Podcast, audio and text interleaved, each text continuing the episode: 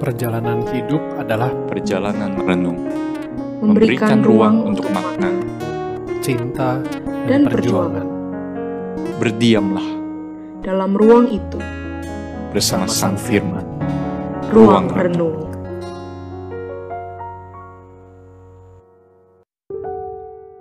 Shalom pendengar ruang renung yang dikasih Tuhan. Hari ini kita akan bersama-sama membaca kejadian pasal 2 ayat 1 sampai yang keempat. Kejadian pasal 2 ayat 1 sampai yang keempat. Beginilah bunyi firman Tuhan. Demikianlah diselesaikan langit dan bumi dan segala isinya. Ketika Allah pada hari ketujuh telah menyelesaikan pekerjaan yang dibuatnya itu, berhentilah ia pada hari ketujuh dari segala pekerjaan yang telah dibuatnya itu. Lalu Allah memberkati hari ketujuh itu dan menguduskannya, karena pada hari itulah ia berhenti dari segala pekerjaan penciptaan yang telah dibuatnya itu. Demikianlah riwayat langit dan bumi pada waktu diciptakan. Hari ini kita akan melihat salah satu elemen yang penting juga di dalam kisah narasi penciptaan, yaitu cerita tentang sabat. Kalau kita sekarang bicara soal sabat, mungkin pikiran kita akan langsung eh, membayangkan hari Minggu, hari ketika kita bisa pergi ke gereja atau ibadah online, hari kita libur dari pekerjaan kita, dan bisa melakukan hal-hal yang mungkin tidak bisa kita lakukan di hari biasa misalnya olahraga atau men- eh, melakukan hobi berkebun atau eh, nonton, tidur lebih panjang, main dan sebagainya. Tetapi apakah sebenarnya makna daripada hari Sabat itu? Apa bedanya hari Sabat dengan hari libur? Kenapa Allah di dalam Alkitab berulang kali memberikan perintah, ingatlah dan kuduskanlah hari Sabat. Hari ini kita akan melihat makna hari Sabat, tetapi dari perspektif penciptaan. Nah, ini agak berbeda dengan perspektif-perspektif lain em, di dalam bagian-bagian Alkitab yang lain. Kita tahu tentang Sabat itu banyak ditulis di dalam Alkitab. Misalnya saja di dalam Keluaran 20, Ulangan 5, dan juga bagian-bagian Alkitab yang lain. Di Perjanjian Baru juga berulang kali ada kisah kontroversi Tuhan Yesus dan orang-orang Yahudi tentang hari Sabat. Nah, tetapi kita hari ini akan secara khusus melihat sahabat menurut kitab kejadian. Ketika Allah sudah menciptakan segala sesuatu dan dikatakan hari ketujuh itu Allah selesai dari semua pekerjaan yang dibuatnya dan Allah berhenti. Apa artinya ini bagi kita?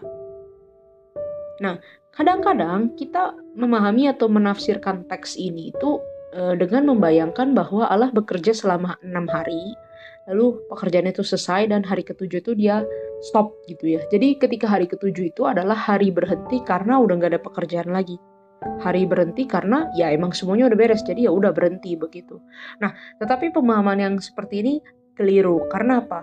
Karena ya mungkin kita berpikir oke kalau gitu ya Allah udah beres kerjaannya jadi dia bisa berhenti. Tetapi kalau saya mungkin saya nggak pernah beres kerjaan saya jadi saya nggak bisa sabat gitu. Belum bisa sabat belum bisa berhenti. Karena apa? Ya karena kerjaan saya belum beres-beres. Nanti kalau kerjaan saya udah beres saya akan berhenti seperti Allah yang waktu itu udah selesai kerjaannya lalu dia berhenti. Nah kalau kita berpikir seperti itu realitanya pekerjaan kita nggak akan pernah beres Nah, seorang penafsir perjanjian lama namanya Howard Snyder, dia memberikan satu perspektif yang menarik. Bahwa sebenarnya pekerjaan Allah itu bukan di hari ke-6 berhenti, lalu hari ke-7 nggak ada kerjaan lagi. Bukan. Tetapi dikatakan oleh dia, penciptaan itu masih terus berlangsung sampai hari ke-7 Allah masih mencipta. Menciptakan apa? Menciptakan hari sabat. Menciptakan hari berhenti. Bukan berarti Allah itu menciptakan sampai hari ke-6 saja, lalu ketujuh nganggur. Tetapi di hari ketujuh dia secara aktif menciptakan hari berhenti. Karena apa? Karena ini mau menjadi satu model untuk kita manusia. Memang ini pola yang Allah buat, Allah ciptakan.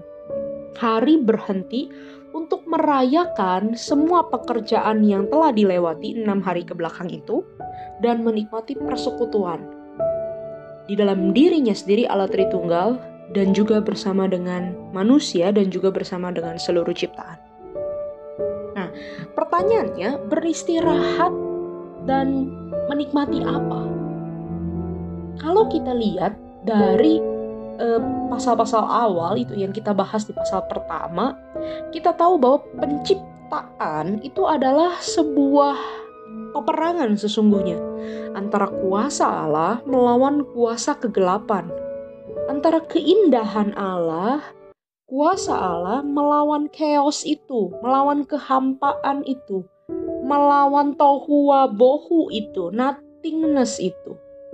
Jadi ketika Tuhan menata segala sesuatu yang ada itu dengan order yang indah dan sungguh amat baik, sesungguhnya Allah sedang mematahkan kuasa kegelapan, kuasa kengerian, kuasa kehampaan. Nah, jadi ketika di hari ketujuh ia berhenti, itu sebabnya ia berhenti karena ia merayakan kemenangan atas chaos yang telah dikalahkan. Allah merayakan kemenangannya. Dan hari perhentian itu diciptakan supaya kita juga bisa merayakan kemenangan kita di dalam Allah. Apa artinya ini bagi kita? Artinya adalah ketika sepanjang enam hari kita sudah bekerja, ibaratnya kita berperang melawan dunia ini bersama dengan Allah. Di hari ketujuh, kita menikmati kemenangan kita bersama dengan Allah. Allah yang sudah menuntun kita melewati enam hari. Allah yang sudah menuntun kita melewati segala peperangan hidup. Dan hari ketujuh itu diberikan supaya kita bisa berhenti, melihat ke belakang, mensyukuri segala karya Allah, dan merayakan kemenangan kita bersama-sama dengan Allah. Apa artinya ini? Artinya adalah Sabat baru bisa menjadi sangat maksimal sukacitanya kita rasakan ketika di hari pertama sampai hari keenam kita giat bekerja. Kita perang dengan sungguh-sungguh. Kita serius menjalani hidup. Maka di hari ketujuh itu kita akan merasakan sungguh-sungguh sukacita sebagai orang yang menang. Nah ironisnya yang sekarang sering terjadi, kita bukan enam hari kerja plus satu hari sabat. Tapi sering kali kita uh, kerja dan sabat dengan tidak teratur. Kita bisa sabat di tengah-tengah hari dan tidak bekerja lalu berpikir ya pokoknya saya mau ambil sabat sesuka saya begitu ya. Nanti kalau udah mepet deadline baru kita bekerja dengan keras. Nah, ketika pola itu tidak kita pelihara, maka perayaannya pun jadi tidak bermakna, perhentiannya pun jadi tidak bermakna. Nah, di dalam hari Sabat ini kita belajar untuk sungguh-sungguh menguduskan satu hari, menyiapkan satu hari untuk kita berhenti, merayakan kemenangan kita, bersekutu dengan Allah setelah kita benar-benar menjalani kehidupan dan peperangan enam hari sebelumnya dengan sungguh-sungguh.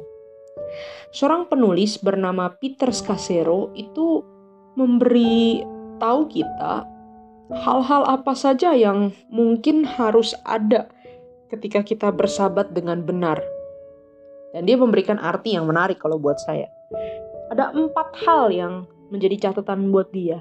Yang pertama, sahabat itu artinya berhenti.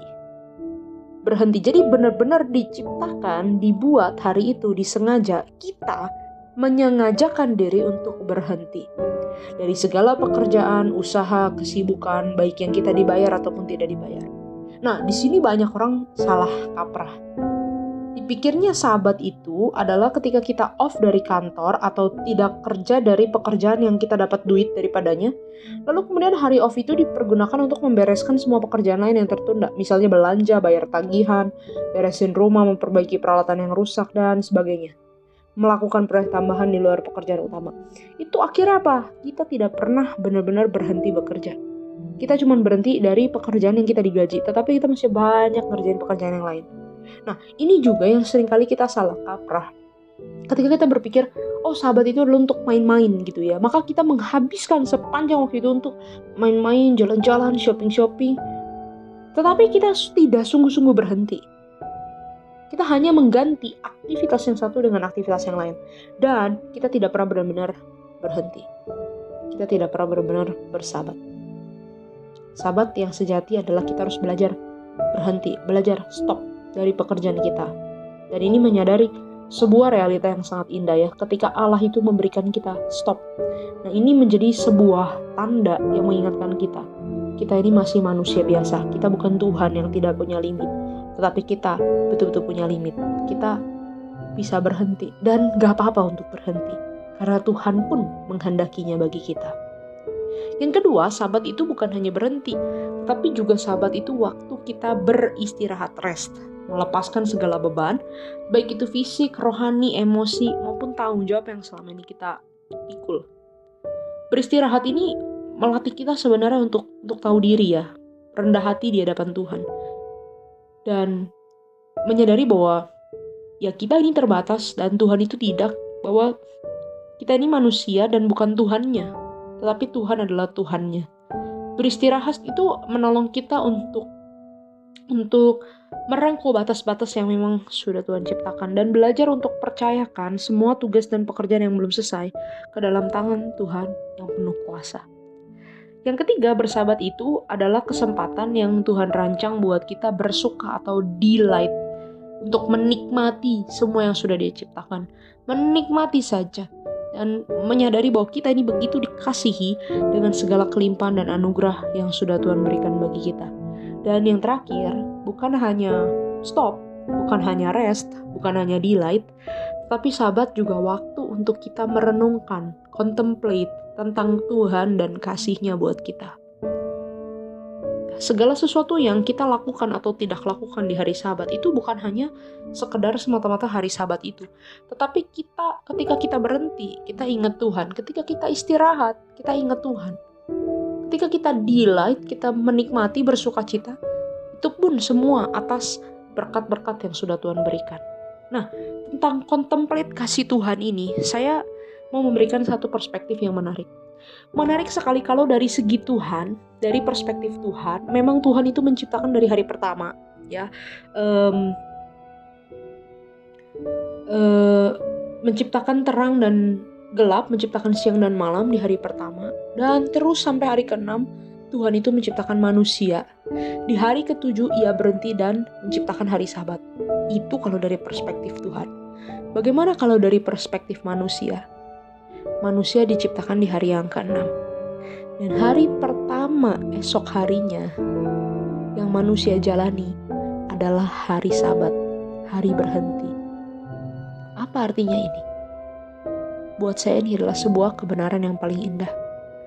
Bahwa Allah memberikan kita persekutuan, Allah memberikan kita perhentian, Allah memberikan kita kasihnya Allah memberikan kita sukacitanya, Allah memberikan kita perkenanannya, tanpa kita harus terlebih dahulu berbuat apa-apa.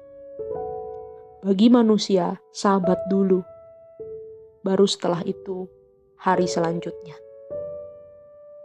Itu berarti kita sudah berharga, kita sudah dikasihi, kita sudah diterima tanpa terlebih dahulu harus menunjukkan pekerjaan kita, tanpa terlebih dahulu harus menunjukkan prestasi dan usaha kita. Ini adalah sebuah realita yang bagi saya sangat indah. Berbeda sekali dengan cara pikir kita di dunia ini yang berpikir saya harus bekerja keras terlebih dahulu untuk mendapatkan sesuatu, untuk mendapatkan kasih Allah, untuk mendapatkan perkenanan Allah. Kenyataannya dari pola penciptaan, Allah ciptakan manusia dan kemudian memberikan hari yang indah untuk persekutuan khusus, untuk menikmati segala berkatnya, untuk merayakan kemenangannya. Hari ini bagaimana cara kita e, melakukan sabat? Mungkin Anda dan saya berkata, oh ya saya ke gereja kalau setiap hari minggu atau ibadah online. Dan setelah itu ya saya melakukan aktivitas yang lain. Tidur, makan, main, olahraga, berkebun, dan sebagainya. Ya menurut saya semua aktivitas itu boleh dan tidak ada yang salah, sah-sah saja untuk dilakukan. Tapi marilah kita belajar untuk menghidupi pola yang memang Allah desain dari awal. Berhenti merayakan segala kemenangan yang sudah dikerjakan Allah bagi kita. Tapi bukan hanya itu saja, benar-benar merengku dan mengembrace satu realita bahwa kita dikasihi dan diterima meskipun kita belum berbuat apa-apa. Biarlah hari Sabat boleh menjadi hari yang khusus, hari yang kudus, kita bertemu dengan Allah, dan dari sabat itu, itu menjadi kekuatan untuk kita menjalani hari-hari selanjutnya. Selamat belajar menikmati hari Sabat. Tuhan memberkati kita.